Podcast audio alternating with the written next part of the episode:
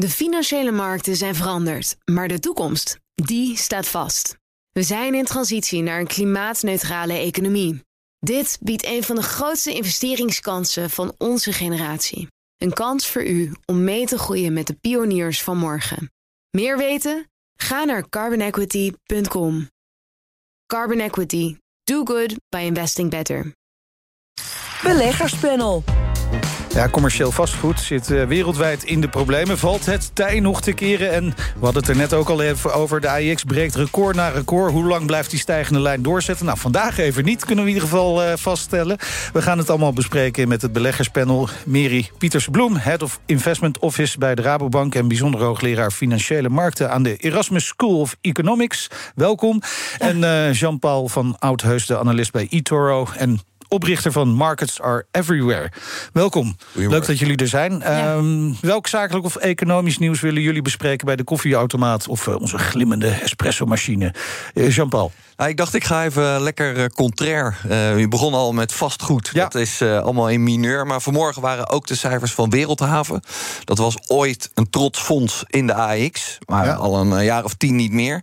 En die cijfers die waren niet supergoed, maar ook niet zo slecht. Dus ze waren beter dan verwacht.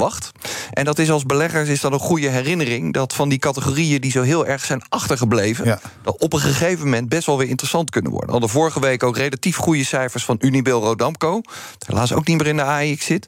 De vastgoedsector die viel me op. En ik dacht, nou weet je, je ziet aan de koersbeweging... het is nu ook weer wat ingezakt, het was vanmorgen plus 5.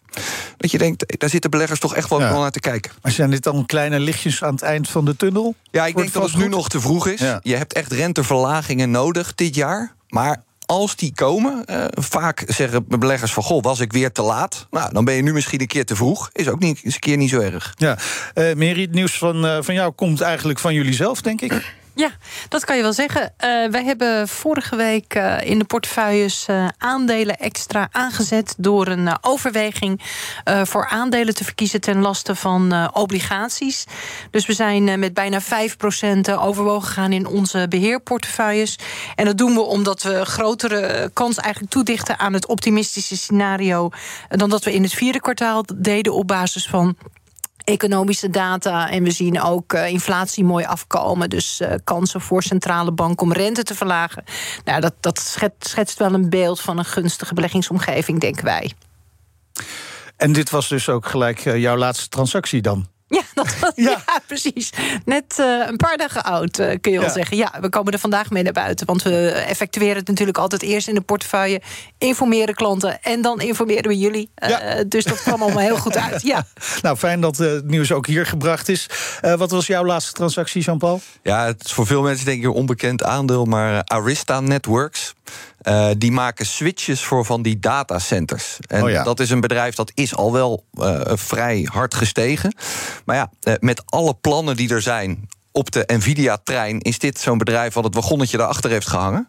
En als je het in dat licht beziet, dan zit er nog veel groei aan, zo'n 25 tot 30 procent per jaar. Dus ja, uh, voor de, uh, een beetje de honing in de, ja. in de yoghurt, ja. die er ook nog even. Ja, dus een, een, een partij die misschien niet zo zichtbaar is, maar het wel heel erg goed doet eigenlijk.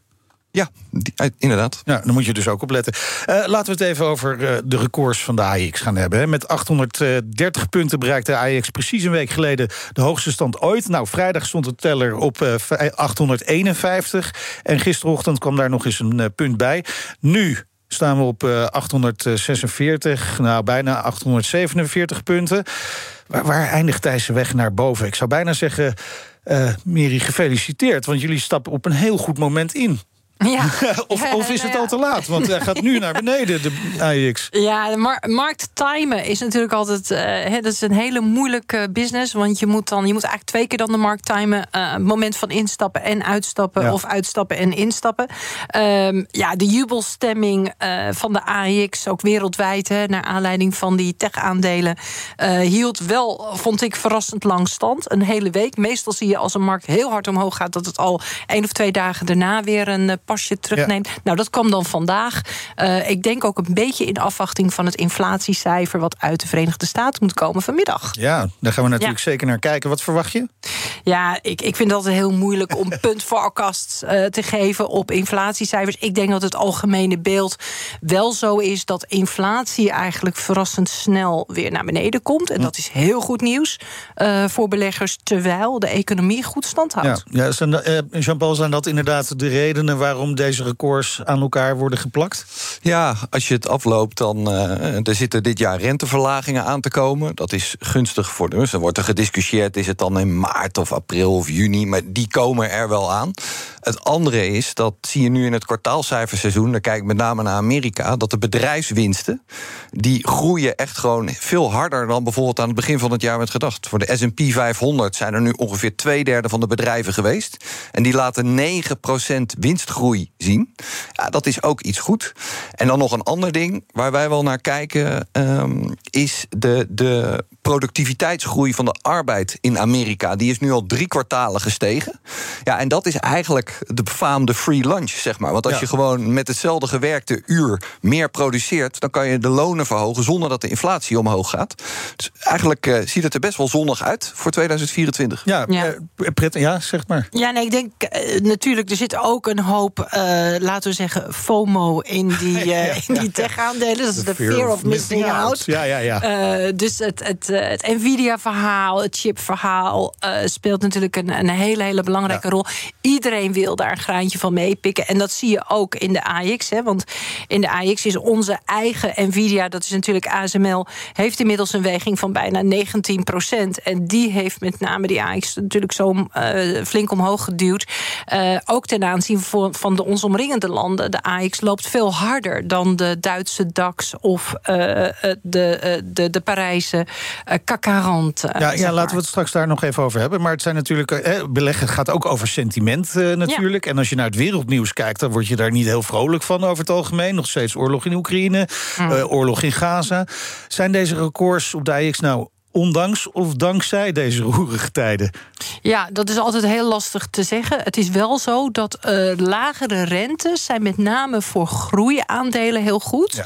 En de tech-aandelen zijn de, de groeiaandelen bij uitstek. ja, ja. Ja. Ja, Maar is het uh, ook inderdaad meer positiviteit uh, bij beleggers gewoon? zijn, zijn we ook een beetje gewend geraakt aan alle ellende in de wereld? Nou, dat, dat klinkt wel heel erg pervers. Maar het is, kijk, de beurs waar we het over hebben... en zeker die grote indices. En blijven we ook elke keer herhalen. Maar dat is niet de economie. Het economie is met name het MKB.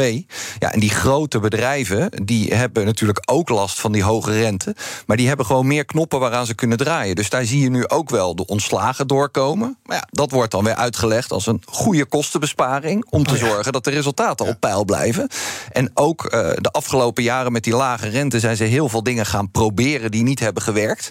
Dat zie je ook bij die grote big tech bedrijven. Daar stoppen ze nu mee. Ja, en dan onderaan de streep worden de resultaten. En dat gebeurt niet alleen daar, maar dat zie je in de bredere markt. Ja, en dat is wel een positief effect voor ja. de resultaat. Ja. Uh, Mary, vorig jaar hadden we het natuurlijk vaak ook in dit programma over uh, de verwachtingen voor de economie. Wordt het nou een zachte landing? Uh, of komt er toch een harde recessie? Kunnen we die laatste nu echt wel in de ijskast plaatsen? Ja, dat hebben wij, hebben wij wel gedaan, zeg maar, op basis van de. Het zat wel in onze scenario set, een harde recessie, maar eentje die werd veroorzaakt doordat inflatie gewoon uh, tergend hoog bleef. Waardoor de centrale banken de rente niet zouden kunnen verlagen. En dan moesten ze de economie in het slop drukken. Uh, nou, er gaat wel iets van een recessie komen. Maar dat wordt een hele zachte uh, recessie, denken wij.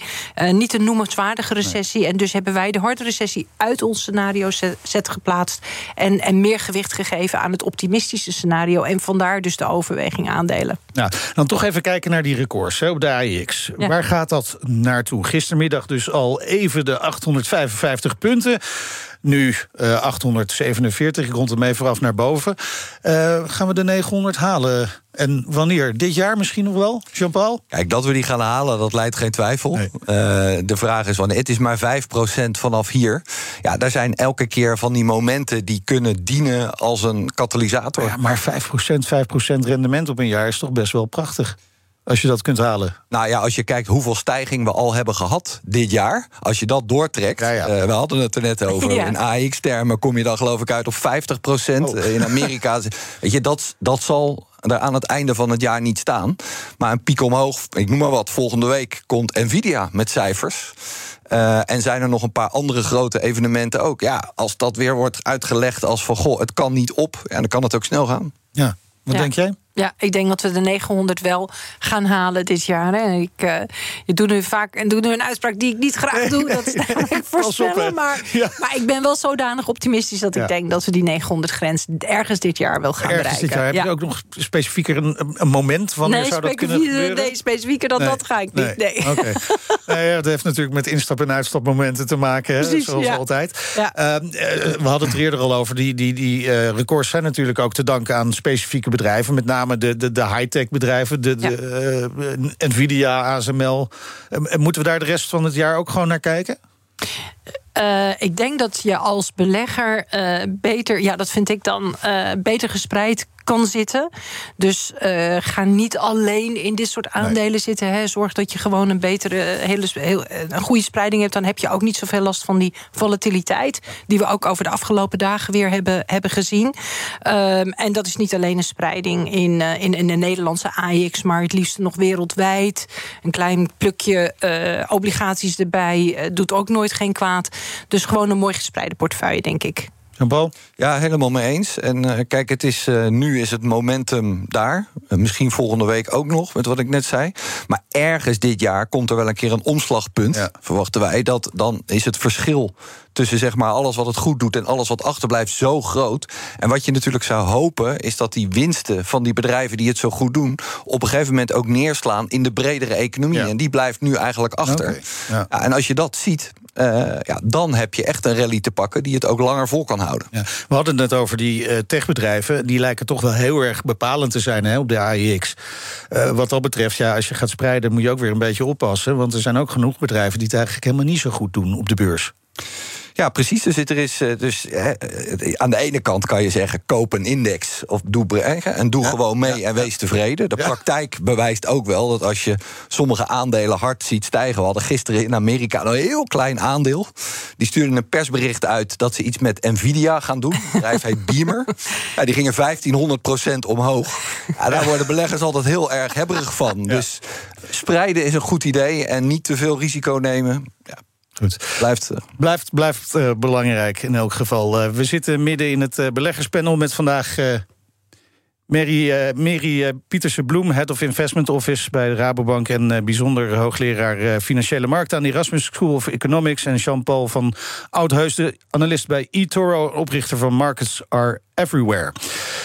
pensioenfonds Zorg en Welzijn, PFZW, maakte vorige week donderdag bekend... Uh, een groot deel van de belangen in olie- en gasbedrijven te hebben verkocht... waaronder Shell, BP, Total Energies. Uh, overschakeling van fossiel naar hernieuwbare energie gaat niet snel genoeg, vinden ze. Maar waar moet dat pensioenfonds dan wel instappen... om die transitie te versnellen? Uh, Jean-Paul. Ja, dat is een goede vraag die je aan hen. Uh, ja. ik, ik word er altijd een beetje. Kijk, uh, maar had jij hetzelfde gedaan? Uh, dat denk ik niet. Dat denk ik niet. Ik uh, ben toch meer van de school dat ik denk dat je die energiebedrijven, die kennis en die kunde nodig hebt om er uh, te komen. Uh, het gaat vaak over wat ze niet doen. Kijk, voor een goed pensioen, dat is natuurlijk de eerste taak. Daar heb je niet per se het aandeel Shell nodig. Ja, dus mm. ik ben geïnteresseerd. Uh, als je kijkt, uh, de politici die hebben over het algemene horizon van de volgende verkiezingen. Als je dan een ASML neemt, die plannen echt 10, 15 jaar vooruit. Dat verwacht ik ook van pensioenfondsen. En ik denk, ja, de grote bijvoorbeeld infrastructurele problemen. Neem maar het elektriciteitsnet ja? Ja. daar wordt gezegd, ja, dat mag hier in Nederland niet. Daar mag je dan niet in investeren. Maar dat zijn dingen waar ik wel zou verwachten... waar een pensioenfonds een goede rol kan spelen... en een goed rendement kan maken. Ja, dus dat zou, uh, dat zou een goed idee zijn om daar dus wel in te investeren. Als je dan bijvoorbeeld niet in een Shell wil investeren. Ja, maar met name ook om daar maatschappelijk ook gewoon de, eh, voor op de bok te staan en de discussie te voeren. En niet te praten over de dingen die je niet doet, nee. maar wel de dingen die je wel wil doen en waar je eh, misschien nog wat hulp bij nodig hebt. Ja, Mary, wat had jij gedaan als je in de schoenen van de bestuursvoorzitter Joanne Kellerman had gestaan? Nou, ik had veel langer aan tafel gebleven om het gesprek te voeren. Ja, zij zeggen we hebben het twee jaar geprobeerd. en ze hebben geëist dat 50% van de kapitaalinvesteringen in 2020 naar CO2-arme energie producten uh, zouden gaan. Nou, dan denk ik, dan heb je een hele irrealistische verwachting gehad. Want uh, volgens mij werken die bedrijven helemaal niet op die manier. En maken ze ook net als pensioenfondsen hele lange termijn beslissingen in olievelden, in uh, het aanboren van, van reserves waar ze al heel veel in hebben geïnvesteerd. Dus ik denk een beetje irrealistisch om dan na twee jaar al de handdoek in de ring te gooien. Dat geven ze eigenlijk ook zelf wel toe. Hè? ze zeggen, nou, we gaan die termijn van praten wat verlengen. Maar niet meer met deze bedrijven. Nee. nee, dus ze zitten nog in een heel, heel klein uh, deeltje uh, van, van deze sector. Toevallig ook allemaal bedrijven die uh, voornamelijk in duurzame energiebronnen zitten. Ehm, ja, en dan, dan is de keuze, dan doe je niet meer mee. maar dan deel je ook niet meer mee in de mogelijke rendementen. En dan, dan deel je ook niet meer mee in een energiebehoefte die nog steeds natuurlijk enorm groot is mondiaal. Ja, maar, maar dat zeggen ook die, die bedrijven als Shell zeggen mhm. ook wel van ja, we kunnen leuk praten met jullie, maar onze andere aandeelhouders willen gewoon dat we nog bezig zijn met olie, gas en dergelijke. Ja, en nu, dus heeft dat praten dan überhaupt wel zin? Nou ja, nu zij niet meer aan tafel zitten, is dus de balans nog verder doorgeschoven naar aandeelhouders die dus veel minder om die uh, energietransitie uh, geven. Dus daar gebeurt natuurlijk ook iets. Hè? Ja. Ehm, ja, ik kan me daar goed te vinden. Goede punten die, eh, die Mary maakt. En eh, kijk, eh, als pensioenfonds kijk je natuurlijk ook naar je achterban. Ik kan me ook best voorstellen dat in hun geval ze zeggen van... nou ja, wij maken een andere keuze. Maar wat je zegt, er zijn genoeg aandeelhouders die daar anders over denken. Dat is het mooie van die markt. Ja, dat is het mooie van die markt. We gaan even met dit onderwerp afsluiten. In ieder geval zien we hierdoor wel... doordat zo'n groot pensioenfonds met toch echt miljarden in een portefeuille, uh, dat die toch wel impact gaat maken hierop? Ja, nou waar ik hoop dat ze veel meer impact gaan maken. En dat is een, een, een zaak van, van het verhaal, een kwestie in het verhaal, wat volgens mij geheel onderbelicht is gebleven. Is dat het geld waar ze, wat ze vrijmaken door niet in deze grote bedrijven te investeren, willen investeren in uh, echte impactbeleggingen in de private equity sfeer. En daar zou ik eigenlijk onze pensioenfondsen veel meer actief in willen zien. Als je weet dat uh, zeg maar het gemiddelde aandeel van onze pensioenfondsen maar 5 is in private equity beleggingen, dan denk ik, jongens, als jullie een echte lange termijn belegging zijn en voor de BV Nederland, waar we heel veel mooie technologieën uh, zeg maar innoveren. Ga maar even kijken in Delft, ga maar even kijken in, uh, in Wageningen op agri- en voedsgebied. Daar moet je met je geld heen, want dat is een echte lange termijn belegging waar je ook nog mooie rendementen kan halen. Ja, komen we straks nog heel even op terug, want er is ook wel wat kritiek op de bonussen en dergelijke. Ja, ja, ja. Dus daar komen we straks op terug. De financiële markten zijn veranderd, maar de toekomst, die staat vast.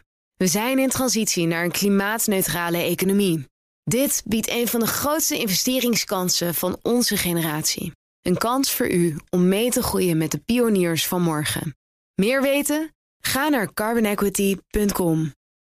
Carbon Equity. Do good by investing better. Een berichtje van Odido Business. Hoe groot je bedrijf ook is of wordt... Bij Odido Business zijn we er voor je. Met unlimited data en bellen en met supersnel en stabiel zakelijk internet.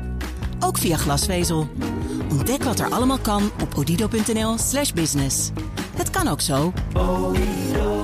Ja, we zitten nog steeds midden in het beleggerspanel vandaag met uh, Mary Pieterse Bloem, Head of Investment Office bij de Rabobank en bijzonder hoogleraar financiële markten aan de Erasmus School of Economics. En Jean-Paul van Oudheus, de analist bij eToro, oprichter van Markets Are Everywhere. We eindigden net even met private equity. Ja. Mary zei, daar moeten beleggers toch meer en pensioenfondsen ook meer in gaan zitten, vooral pensioenfondsen. Ja. En dan zei ik ook gelijk, ja, er is ook wel wat kritiek op. Hè? Want dan betalen uh, dus de mensen die inleggen bij dat pensioenfonds... ook uh, aan de bonussen van de bestuurders van uh, private equity. Ja. Ik vind, dat, ik vind dat altijd een beetje een non-discussie.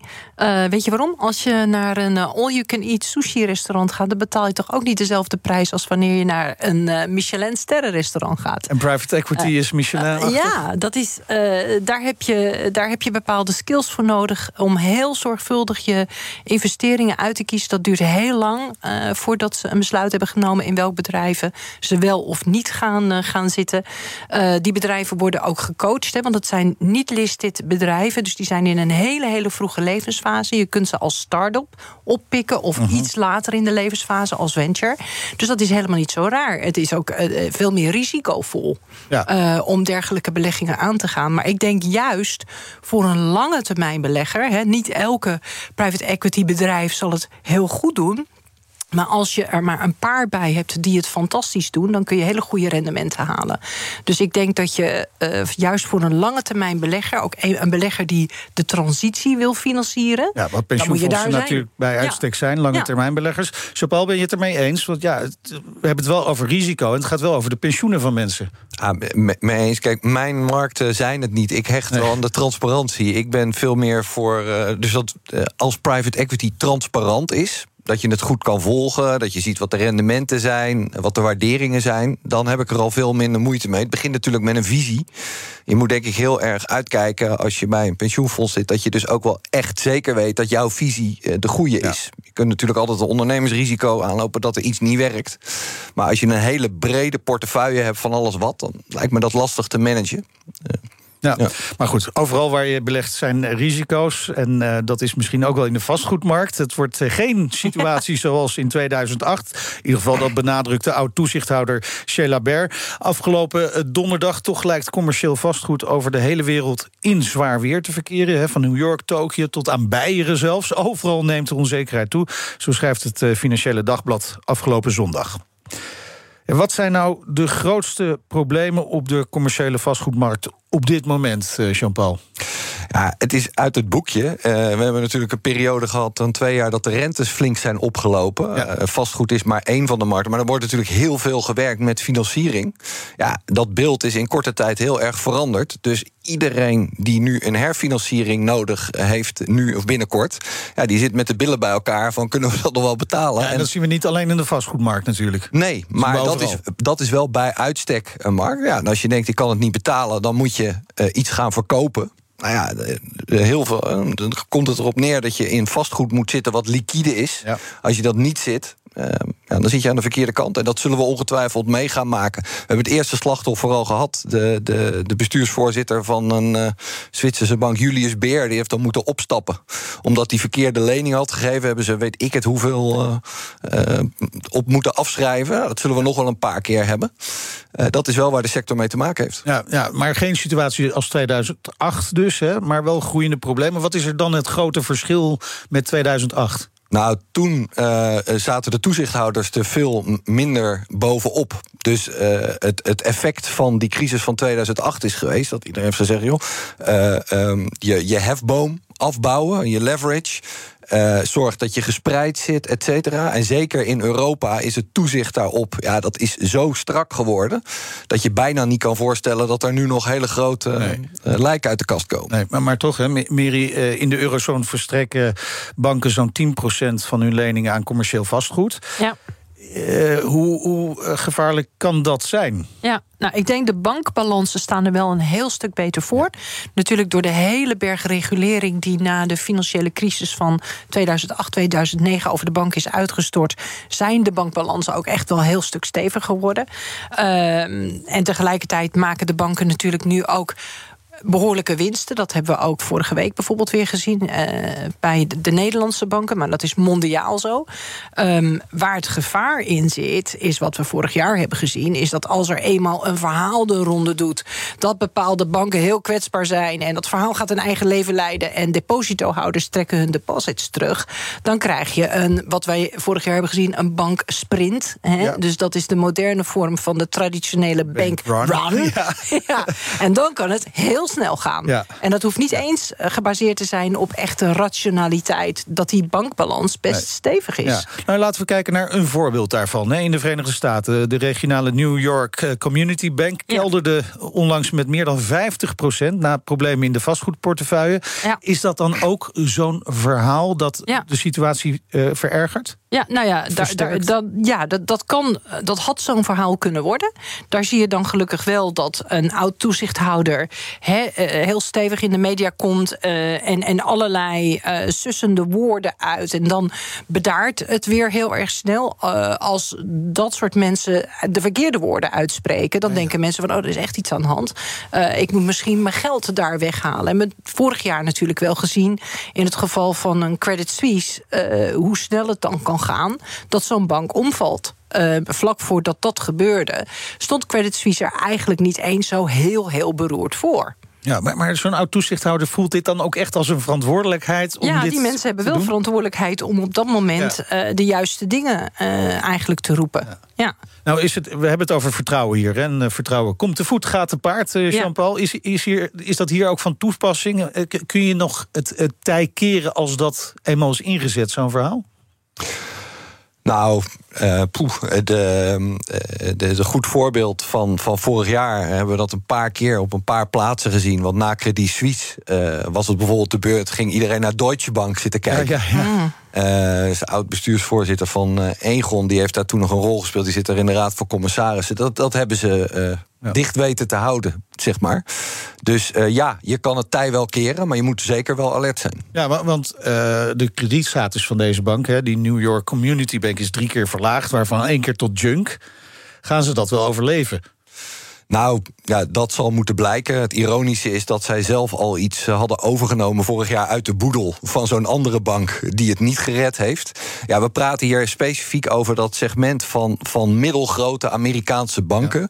Toen Trump president was, hebben ze gezegd: joh, elk jaar zo'n stresstest. Ach, dat hoeft toch allemaal niet. Het gaat nu toch prima. Ja, ja uh, daar uh, zit iedereen op de azen van waar gaat het fout. Uh, ook met de gedachte, is vorig jaar ook gebeurd, dat anders de hele grote banken, de JP Morgan, Bank of America, wel zullen inspringen om het te redden. Ja. Uh, volgens mij zei er vorige week nog een bankier van het is uh, de best gedocumenteerde crisis die daar aan zit te oh, komen. Okay, ja. Omdat iedereen het al in beeld heeft. Ja, dus heel transparant. Ja. Uh, laten we even naar de Verenigde Staten, van de Verenigde Staten naar Duitsland gaan. Hè, want daar zijn de prijzen in het commercieel vastgoed in het vierde kwartaal gezakt. Grootste daling ooit. Uh, maar liefst 12,1 procent ten opzichte van het jaar daarvoor... blijkt uit onderzoek van de Belangenorganisatie van Duitse Banken. Werd gisteren gepubliceerd. Hoe, hoe zorgwekkend is dit? De, de, kijk, de hele uh, Duitse economie is natuurlijk best wel zorgwekkend, want het ja. groeit niet. En dat is natuurlijk inherent ook. Als dat weer gaat floreren, bij wijze van spreken, uh, dan hoef je over dat vastgoed ook minder zorgen te maken. Ja, dus wat mij betreft is de hoofdvraag, maar we hebben het nu over vastgoed. Maar in Duitsland moeten ze eerst zorgen gewoon dat het energieprobleem is opgelost. Want daardoor zie je de industrie echt heel hard achteruit kachelen. Ja, en dan in het verlengde daarvan komen natuurlijk uh, dit soort sectoren als vastgoed ook aan de beurt. Ja, nou, je hebt daar natuurlijk nog de, de traditionele pandbriefbanken. Ja. En dat zijn eigenlijk uh, Duitse vormen van uh, hypotheekbanken. Dus een hele grote exposure naar, uh, naar vastgoed, kun je wel voorstellen. Er is er eentje in Beieren, die heeft ook nog heel veel blootstelling aan dit verhaal in de Verenigde Staten. Daar zie je de koersen dan dus ook van, van dalen heel sterk. Nou, ja. daar zitten dus wel dat soort zwakke appelen in de mand. waarvan je hoopt dat de Duitsers al een plan klaar hebben om, uh, om, om die zeg maar, te, kunnen, te kunnen beschermen. Duits, Duitse bank zelf, Deutsche Bank, heeft al een behoorlijke provisie opzij ja. gezet van 123 miljoen. Uh, ook voor vastgoedexposure in de Verenigde Staten. Ja, dus je hoopt dat ze het daarmee zeg maar, het verhaal een beetje droog kunnen houden. Uh, en, want daar zijn we altijd bang voor dat als Duitsland iets gebeurt, dat dat overwaait naar Nederland. Ja. Hoe groot is die kans? Nou, eh, dat is natuurlijk altijd wel een, een zekere afhankelijkheid. Ik denk wel dat uh, over de loop der tijd Nederland minder afhankelijk is geworden. Dan heb ik het over de loop van een aantal decennia.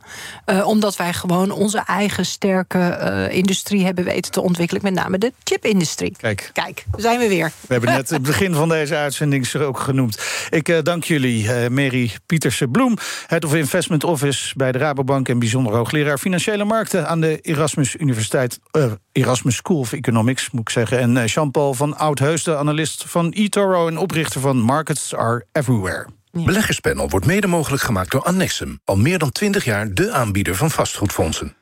En dit panel is ook terug te luisteren als podcast. Abonneer je vooral even via jouw favoriete kanaal...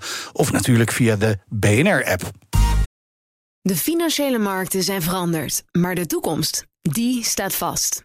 We zijn in transitie naar een klimaatneutrale economie. Dit biedt een van de grootste investeringskansen van onze generatie. Een kans voor u om mee te groeien met de pioniers van morgen. Meer weten? Ga naar carbonequity.com. Carbon Equity. Do good by investing better.